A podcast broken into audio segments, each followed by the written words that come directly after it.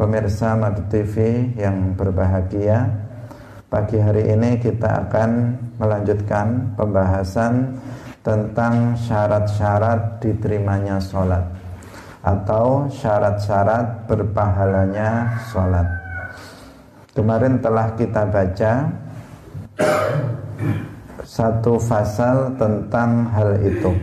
Hari ini kita lanjutkan penjelasannya Hadirin rahimakumullah Di antara syarat diterimanya amal sholat Amal ibadah yaitu sholat dalam hal ini Telah kita jelaskan yang pertama adalah ikhlas. Bahwa sholat yang kita lakukan Itu harus dilakukan murni karena Allah. Murni karena untuk menjalankan perintah Allah. Murni karena untuk mencari ridho Allah. Untuk mencari pahala dari Allah Subhanahu wa taala. Bukan agar dipuji oleh manusia.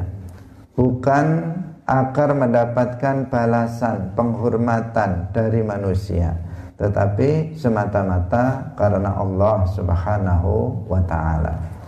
Dan ikhlas ini merupakan syarat diterimanya uh, hampir seluruh amal ibadah.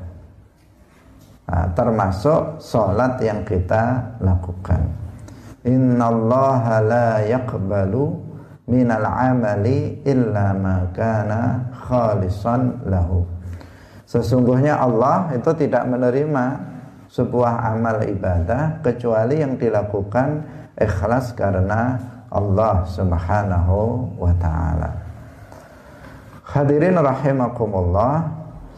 Kemudian syarat diterimanya salat yang kedua adalah ayyakuna ma'kaluhu wa malbusuhu wa musallahu halalan makanan yang di yang ada di dalam perutnya ketika dia sholat. Pakaian yang dia kenakan tempat yang dia gunakan sholat haruslah yang halal.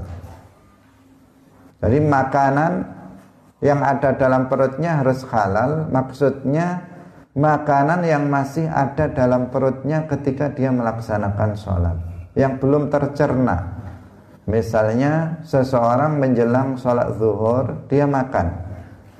Nah, makanannya jika makanan itu adalah makanan yang haram, maka sholat zuhurnya tidak diterima. Zuhurnya tidak berpahala, sholat zuhurnya tidak akan berpahala. Ini eh, jika makanan tersebut masih ada dalam perutnya. Kalau dia makannya sebelum sebelum sholat, maka sudah jelas bahwa di dalam perutnya masih ada makanan yang haram. Misalnya seseorang menjelang maghrib dia makan, nah, makanannya hasil curian, makanannya misalnya dari hasil korupsi, dari hasil uh, ghasab, riba dan sebagainya Nah, kemudian dia memakannya, setelah itu dia melaksanakan sholat maghrib. Maka sholat maghribnya itu tidak tidak diterima, tidak diterima. Sah jika telah memenuhi syarat dan rukun, tetapi tidak diterima atau tidak ada pahalanya. Tetapi kalau makanan itu sudah kemarin, kemarin dia makan makanan yang haram, maka sholat hari ini Berarti makanan itu kan sudah tercerna. Sholat dia hari ini itu diterima oleh Allah Subhanahu wa taala. Jika hari ini dia tidak makan makanan yang haram lagi. Jika makanan haram yang dia makan itu kemarin, maka tidak mempengaruhi sholat yang dia kerjakan hari ini dari sisi. Hadirin yang dirahmati oleh Allah Subhanahu wa taala makanan yang kita makan itu harus dari makanan yang halal. Tidak boleh kita memakan makanan yang haram. Ancamannya sangat berat. orang yang memakan makanan yang haram itu sangat berat ancamannya nanti di akhirat. Di antaranya Rasulullah Shallallahu Alaihi Wasallam bersabda, "Kullu lahmin nabata min haram, fannaru bihi." Setiap daging yang tumbuh dari makanan yang haram, maka neraka itu lebih baik bagi dia. Artinya dia akan masuk ke dalam neraka apabila dia memakan makanan yang haram. Makanan yang haram itu bisa jadi memang makanannya itu haram. Seperti misalnya daging babi, daging anjing itu memang dari sananya haram. Nah, misalnya darah, misalnya apalagi air kencing, misalnya itu kan memang haram dari e, memang dari asalnya itu sudah haram atau yang sebenarnya asalnya itu halal tetapi menjadi haram karena tata cara mendapatkannya itu haram. Misalnya makan nasi, nasi itu kan halal, tetapi kalau nasinya curian maka menjadi haram. Tetapi kalau nasinya itu dibeli dengan uang hasil riba maka menjadi haram. Tapi kalau nasinya itu dibeli dengan uh, duit hasil korupsi maka menjadi haram. Uh, menjadi haram. Nah, yang seperti itu juga nanti akan mempengaruhi sholat yang dia kerjakan. Juga mendapatkan ancaman tadi itu kullu lahmin nabata min haram fannaru aula bihi.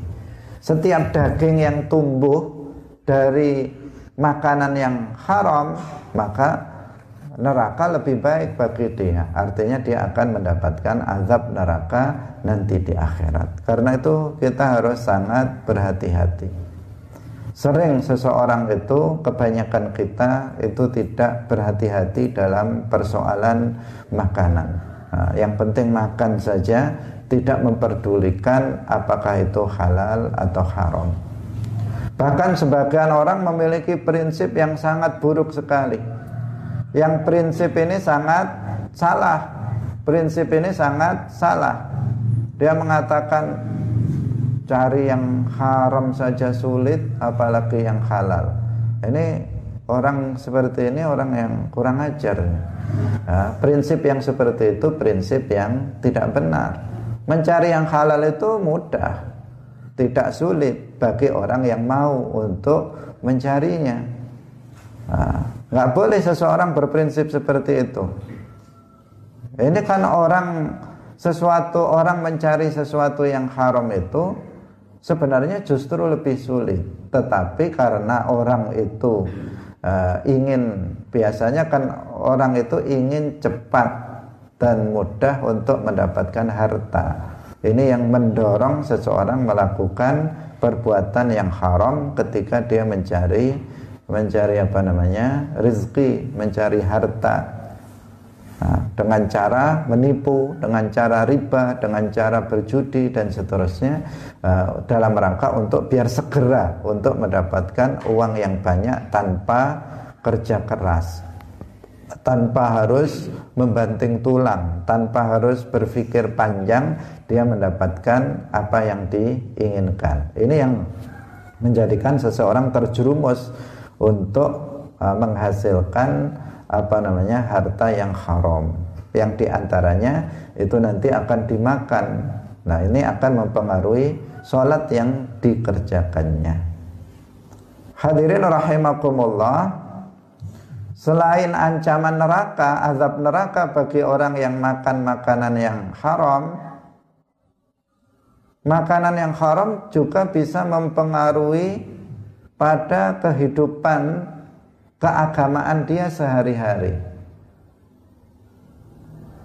Karena setiap makanan yang haram itu akan mengeraskan hati seseorang, membuat hati seseorang itu yang memakannya menjadi keras, menjadi gelap, menjadi hitam. Dengan pengertian, dia akan menjadi sulit untuk memahami ilmu-ilmu agama. Dia akan menjadi sulit untuk mendapatkan hidayah. mendapatkan taufik sehingga menjadi berat bagi dia disebabkan makanan yang haram ini untuk berbuat kebaikan-kebaikan. Di antara kita itu kesulitan dalam memahami agama itu kesulitan. Kalau belajar ilmu agama nggak nyantol-nyantol. Kalau belajar matematika kok cepet ya. Tetapi kalau belajar menghafal misalnya hadis, menghafal ayat atau menghafal pelajaran tidak masuk-masuk dan nggak paham-paham. Tapi kalau yang lain cepat paham. Nah, di sini ada masalah. Di sini ada masalah. Dia harus introspeksi diri, dia harus muhasabah. Kenapa kira-kira? Jangan-jangan makanan yang diberikan oleh bapak saya ini makanan yang haram. Jangan-jangan makanan yang saya makan ini makanan yang haram. Udah kalau begitu setelah diselidiki ternyata betul. Udah kerja sendiri aja nggak usah uh, apa namanya menggantungkan kepada orang lain. Kemudian ternyata makanan yang haram. Karena ini akan berpengaruh kepada apa namanya kepada pemahaman juga kalau sekedar itu, itu pun padahal kunci kebaikan, nggak bisa kita katakan sekedar ya, sekedar tidak paham. Tapi dengan pemahaman itu seseorang akan melakukan kebaikan-kebaikan. Dengan ketidakpahaman itu seseorang akan melakukan keburukan-keburukan. Nah, orang yang makanan yang dia makan itu senantiasa yang halal, maka dia akan mudah mendapatkan taufik Allah sehingga mudah dalam melakukan kebaikan-kebaikan. Ringan. Melakukan sholat ringan melakukan kebaikan apa pun itu menjadi ringan bagi dia. Manakala apa yang ada dalam perutnya itu adalah makanan yang halal. Tetapi sebaliknya seseorang yang makanannya itu makanan yang haram itu biasanya menjadi berat ya karena tadi hatinya yang menghitam, hatinya yang mengeras menjadikan dia sulit untuk menerima uh, taufik Allah. Sehingga dia dalam beribadah, berbuat baik itu beratnya bukan main. Meskipun ringan tetapi beratnya bukan main bagi dia.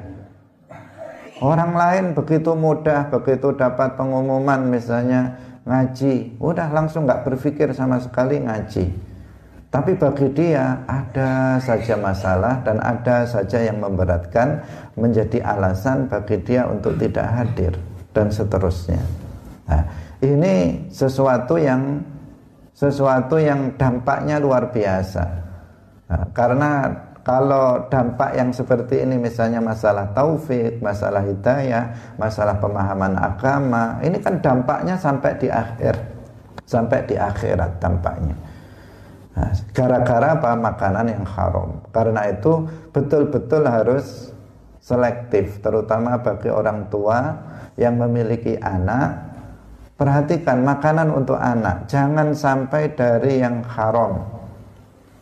Nah, harus dipastikan ini jelas sumbernya, saya dapat dari mana.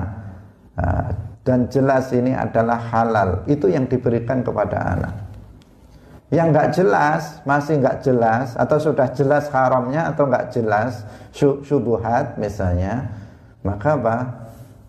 Nah, maka jangan diberikan kepada anak. Kasihan nanti. Uh, kasihan anak. Uh, kemudian kita juga akan rugi karena kita tidak akan bisa mendapatkan anak yang bisa pandai memiliki pemahaman yang baik terhadap agama. Kemudian juga yang soleh yang mau taat terhadap agama. Hadirin yang dirahmati oleh Allah Subhanahu wa taala. Jadi makanan yang ada di dalam perut kita ketika kita makan itu ketika kita sholat itu harus makanan yang halal. Kemudian pakaian yang kita pakai itu juga harus halal ketika sholat. Jadi ketika sholat pakaian kita ini dulu dari mana ini? Hasil dari apa? Apakah yang halal atau yang haram. Jika halal kita pakai untuk sholat. Jika haram jangan dipakai untuk sholat. Jika apa namanya mukenanya itu dibeli dari uh, uang curian, uang korupsi, uang riba dan seterusnya itu enggak kalau digunakan untuk sholat maka akan tidak diterima, tidak berpahala, sholatnya tidak akan berpahala. Nah, itu harus diperhatikan. Jadi kalau membelikan anak, istri, pakaian yang digunakan untuk sholat, ya harus di ini dari mana nih? Halal apa enggak? Kalau haram, jangan dibelikan untuk untuk pakaian yang akan digunakan dia untuk mengerjakan sholat karena sholatnya nanti menjadi tidak berpahala. Kemudian tempatnya, tempatnya yang kita gunakan untuk sholat itu adalah halal, bukan tempat yang ghasab. Misalnya ada seseorang menghosab tanah orang, rumah orang dighasab, ghasab itu di, diambil secara paksa karena dia memiliki kekuasaan, dighasab. Nah, kemudian rumah itu Akhirnya karena dia orang kuat, akhirnya pemiliknya tersingkir. Kemudian rumah itu digunakan untuk sholat oleh dia. Maka ini apa?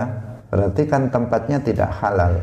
Kalau tempatnya tidak halal, maka sholat dia menjadi tidak sah.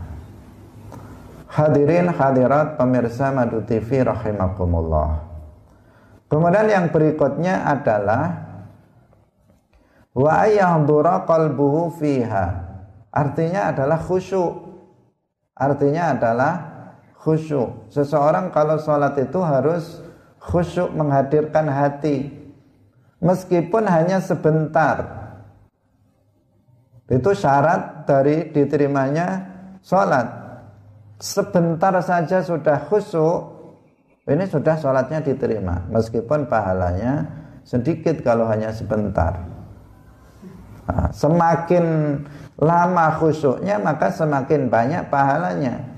Kalau semakin sedikit khusyuknya semakin sedikit pahalanya. Kalau nggak ada khusyuknya sama sekali, nggak ada pahalanya sama sekali sah, tetapi tidak ada pahalanya sama sekali. Kalau memenuhi syarat dan rukun sah sholatnya, tetapi apa? Tidak ada pahalanya sama sekali kalau nggak ada khusyuknya. Sebagian orang begitu takbiratul ihram dia sudah nggak ingat apa-apa. Nah, yang diingat artinya dia yang diingat adalah yang luar saja selain sholat, nggak mengingat Allah. Nah, tiba-tiba sudah salam. Dia pun bahkan tidak ingat tadi sudah tasyahud awal atau belum, dia sudah baca fatihah atau belum. Tiba-tiba sudah salam aja karena dia bermakmum kepada imam tiba-tiba kok sudah salam padahal sudah empat rakaat dia tidak sadar. Ada sebagian yang seperti itu. Nah itu menggambarkan apa? Menggambarkan nggak ada kekhusuan sama sekali dalam sholatnya. Padahal khusyuk ini adalah kunci dari kebaikan keberuntungan bagi seseorang dalam sholat.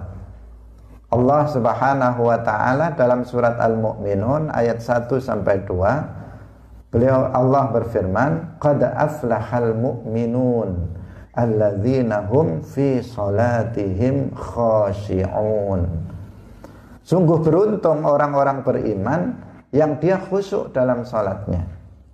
Nah, maka setiap kita harus berusaha untuk mengkhusyukkan diri dalam salat jangan kemudian dibiarkan kita tidak khusyuk. Khusyuk ini butuh latihan. Khusyuk ini butuh latihan. Hadirin rahimakumullah, lah khusyuk itu bagaimana? Ini penting untuk dijelaskan. Karena banyak orang yang tidak memahami makna khusyuk. Kalau makna khusyuk saja nggak paham, bagaimana dia khusyuk dalam sholatnya? Sebagian orang ada yang berpandangan khusyuk itu membayangkan Allah. Ada lagi yang mengatakan khusyuk itu memikirkan, menggambarkan Allah.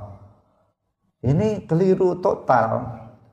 Keliru total karena Allah itu tidak bisa difikirkan. Allah itu tidak bisa dibayangkan. Allah itu tidak bisa digambarkan. Karena Allah itu bukan benda dan tidak disifati dengan sifat benda. Maka bagaimana kita memikirkan sesuatu yang bukan benda? Nah, bagaimana kita bisa membayangkan sesuatu yang bukan benda? Gak bisa. Sudah pasti tidak bisa. Apa yang ada dalam bayangan kita, apa yang ada dalam gambaran kita, itu pasti berupa benda. Gak bisa enggak pasti berupa benda yang memiliki ukuran, yang memiliki bentuk, yang memiliki warna, yang berada pada tempat. Itu pasti seperti itu. Yang apa yang ada dalam pikiran dan dalam benak kita, dalam hati kita pasti seperti itu. Sementara Allah nggak seperti itu, maka nggak bisa kita membayangkan atau memikirkan Allah. Maka khusyuk itu bukan memikirkan Allah, Khusyuk itu bukan membayangkan Allah. Khusyuk itu bukan menggambarkan Allah. Sebagian orang begitu sholat dia langsung uh, memejamkan matanya. Kemudian lihat ada kelemun-kelemun hitam, kemudian dia menyangka itu Allah. Ini salah total. Bukan kekhusyuan yang dia dapatkan, justru membahayakan akidah dia. Nah, hadirin rahimakumullah. Rasulullah sallallahu alaihi wasallam bersabda, "La fikrata fir rabbi." Tidak boleh berpikir tentang Tuhan. Enggak boleh berpikir tentang Allah. Karena apa? Karena akal nggak bisa menjangkau. Akal kita itu tidak sampai. Jangankan memikirkan Allah, kita memikirkan makhluk saja, sebagian makhluk itu tidak mampu. Kita nggak bisa memikirkannya. Apa yang apa namanya uh, terjadi pada sebagian makhluk, kita tidak bisa memikirkannya. Nah, Allah Subhanahu wa taala berfirman, "Wa ja'ala dzulumati wan nur." Allah yang telah menciptakan kegelapan dan cahaya. Gelap dan cahaya ini makhluk Allah, ciptaan Allah. Padahal gelap dan cahaya ini bukan makhluk yang pertama diciptakan oleh Allah. Artinya sebelum gelap dan cahaya, sebelum gelap dan terang ini diciptakan oleh Allah, dahulu pernah ada masa tidak ada gelap dan tidak ada terang. Dahulu pernah ada, ini sangat yakin. Kenapa? Karena Allah sudah berfirman, wa ja'ala dzulumati wan nur. Allah telah menciptakan gelap dan terang. Artinya sebelum diciptakan ada apa enggak gelap dan terang? Enggak ada. Gelap dan terang ini enggak ada. Berarti dulu itu pernah ada masa enggak ada gelap dan juga enggak ada terang. Nah, sekarang coba kita pikirkan, kita bayangkan bagaimana kondisi keadaan tidak ada gelap dan tidak ada terang. Bisa nggak kita membayangkannya? Bisa nggak kita memikirkannya? Tidak bisa. Tapi itu makhluk. Ada itu. Kondisi itu ada. Nah, meskipun begitu kita nggak bisa membayangkannya. Karena sekarang kalau nggak malam siang, kalau nggak terang gelap, itu saja remang-remang itu ada gelap ada terang ada gelapnya ada terangnya ini nggak ada gelap nggak ada terang sama sekali kita nggak bisa membayangkannya kita nggak bisa menggambarkannya kita nggak bisa memikirkannya. Tapi itu wajib kita yakini pernah ada situasi keadaan seperti itu. Karena Allah berfirman wa ja'ala dzulumati nur. Nah, makhluk saja kita nggak bisa memikirkannya. Apalagi kita berpikir tentang zat Allah. Tidak boleh la fikrata fir rabbi. Tidak boleh berpikir tentang Tuhan. Tetapi yang kita pikirkan itu apa? Makhluk. Tafakkaru fi khalqillahi wala tafakkaru fi dzatillahi Sayyiduna Ibnu Abbas radhiyallahu anhu mengatakan itu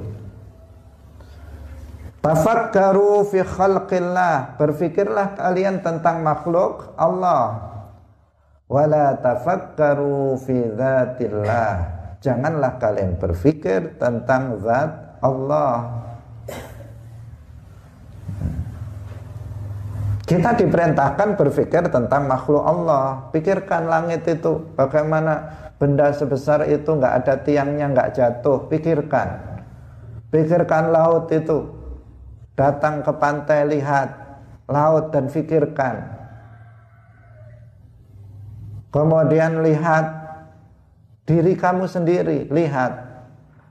Wa fi anfusikum afala tubsirun, pikirkan diri kamu.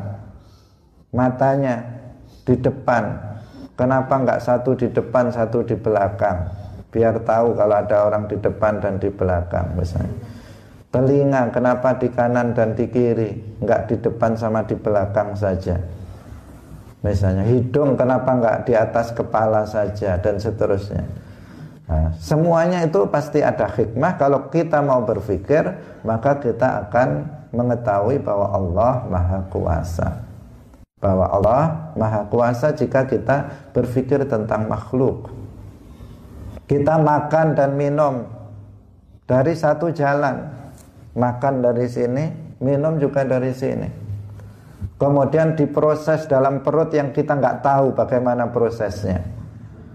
Nah, di situ ada pabrik besar di dalam perut kita yang kita nggak tahu. Kayaknya ya biasa, usus biasa begitu saja tetapi bagaimana dia bisa berproses uh, Makanan itu bisa menjadi darah Makanan itu bisa menjadi daging Makanan itu bisa menjadi tulang Kemudian sisanya dibuang melalui jalan yang berbeda Depan dan belakang Yang air dibuang lewat depan Yang uh, benda dibuang lewat belakang Nah, kalau kita berpikir tentang diri kita saja, kita sudah akan mengetahui bahwa Allah Maha Kuasa.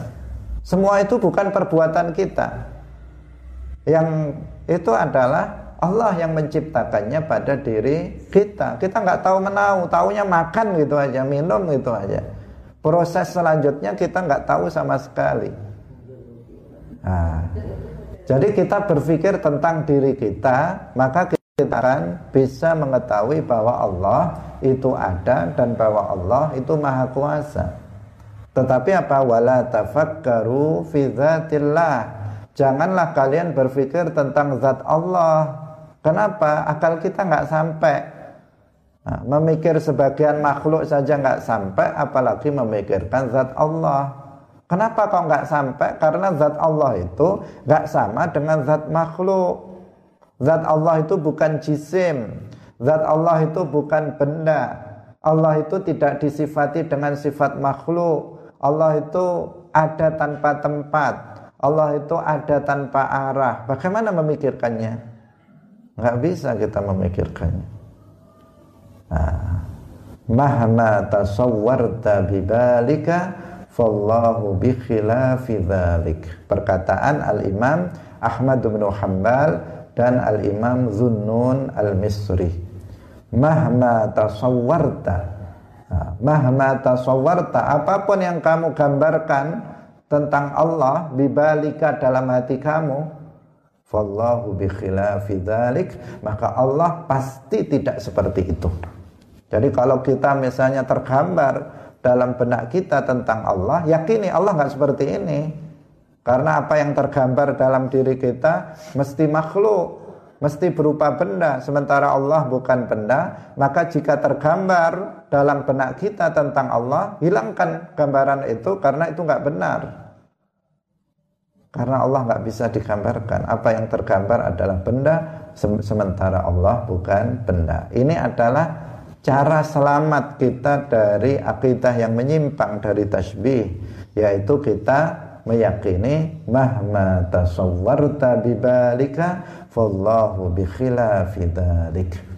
apa pun yang tergambar dalam benak kamu tentang Allah maka Allah tidak seperti itu ya ini yang yang mesti kita pahami. Nah, jangan sampai seseorang apa? Seseorang sudah merasa khusyuk ternyata dia apa? Bukan khusyuk malah rusak akidahnya ketika dia dalam sholat ternyata dia membayangkan Allah. Dia menggambarkan Allah. Nah ini dibayangkan seakan-akan Allah itu cahaya padahal Allah bukan cahaya karena Allah adalah pencipta cahaya tidak serupa dengan cahaya. Dibayangkan bahwa Allah itu ya alif lam lam ha itu misalnya lafat itu ada yang membayangkan seperti itu. Ini adalah sesuatu kekeliruan. Allah nggak bisa dibayangkan. Nah, pertanyaannya sekarang jadi khusyuk itu bagaimana? Khusyuk itu seperti apa? Khusyuk itu artinya adalah menghadirkan rasa takut menghadirkan rasa cinta dan pengagungan kepada Allah di dalam hati. Itulah khusyuk. Jadi kita menghadirkan rasa cinta kepada Allah dalam hati. Menghadirkan rasa pengagungan terhadap Allah di dalam hati. Itu namanya khusyuk. Bukan membayangkan Allah. Tetapi apa? Jadi kita mengagungkan Allah dalam hati kita merasa ada rasa takut, rasa cinta kepada Allah di dalam hati. Itulah yang disebut dengan khusyuk. Itu yang harus dihadirkan oleh seseorang di dalam hatinya. Perasaan takut terhadap azab Allah. Perasaan harap terhadap apa namanya? terhadap pahala Allah di dalam sholat Ah, perasaan pengagungan terhadap Allah Subhanahu wa taala di dalam sholat. Itulah yang disebut dengan khusyuk. Itu yang harus dilakukan oleh seseorang ketika dia sholat. Itu yang dilakukan oleh yang kemarin kita ceritakan As-Sajjad Zainal Abidin Ali bin uh, Ali bin Husain bin Ali bin Abi Thalib seorang waliullah cucu Rasulullah putra dari Sayyidina Husain. Nah, beliau dikenal sebagai orang yang sangat khusyuk di dalam sholatnya. Kemudian kita hari semalam tidak kurang dari seribu rakaat dia sholat sunnah. Selain itu kalau sholat beliau juga sangat khusyuk. Bukan seribu kali sholat itu begini-begini bukan. Uh, tetapi apa? Tetapi dengan kekhusyuan tingkat tinggi. Yang kita nggak uh, nggak bisa untuk menyamainya dalam hal kekhusyuannya. Sehingga beliau itu ketika sedang sholat kita ceritakan rumahnya terbakar. Beliau tetap sholat. Kenapa kok tetap sholat? Karena dia khusyuk dalam sholatnya Ketika rumahnya sudah habis, beliau tetap dalam kondisi sholat dan beliau tidak terbakar karena beliau memang apa? Waliullah itu karomah bagi beliau. Ketika sudah habis rumahnya ditanya oleh tetangganya, kenapa kamu tidak uh, tidak keluar, tidak lari ketika terbakar tadi? Beliau mengatakan syughil tu binaril akhirah minarid dunia aku disibukkan berpikir tentang api neraka sehingga saya lupa dengan api dunia. Bayangkan gimana khusuknya bisa seperti itu? Yang ada dalam hatinya ketika sholat adalah ketakutan terhadap api neraka berpikir tentang api neraka. Padahal beliau orang yang soleh luar biasa waliullah nah, ketika sholat dia berpikir tentang api neraka sehingga nggak sempat memikirkan api di sekitarnya. Nah, ini kekhusuan tingkat tinggi. Kita ada nyamuk saja sudah terasa. Belum belum apa namanya uh, belum dia belum uh, anu kita dia kita sudah sudah nggak nggak khusyuk lagi. Itu apa itu kita tetapi beliau tidak seperti itu kekhusyuannya adalah kekhusyuan tingkat tinggi nah, hadirin yang dirahmati oleh Allah subhanahu wa ta'ala nah, kemudian uh, khusyuk ini bagaimana caranya agar kita ini bisa khusyuk? Agar kita bisa khusyuk itu bagaimana caranya? Nah ini insya Allah akan kita jelaskan besok. Uh, akan kita jelaskan besok uh, tentang bagaimana cara kita bisa khusyuk dengan baik. Nah, karena ada sedikit uh, gangguan sehingga uh, kita laksanakan atau kita jelaskan tata cara khusyuk ini besok hari. Karena penting, sebagian kita menginginkan sholat yang khusyuk tetapi dia tidak bisa melaksanakannya. Bagaimana usaha yang harus kita lakukan biar kita bisa khusyuk? Insya Allah kita jelaskan besok. Barakallahu fikum. Wallahul muwaffiq ila aqwamit tariq. Wassalamualaikum warahmatullahi wabarakatuh.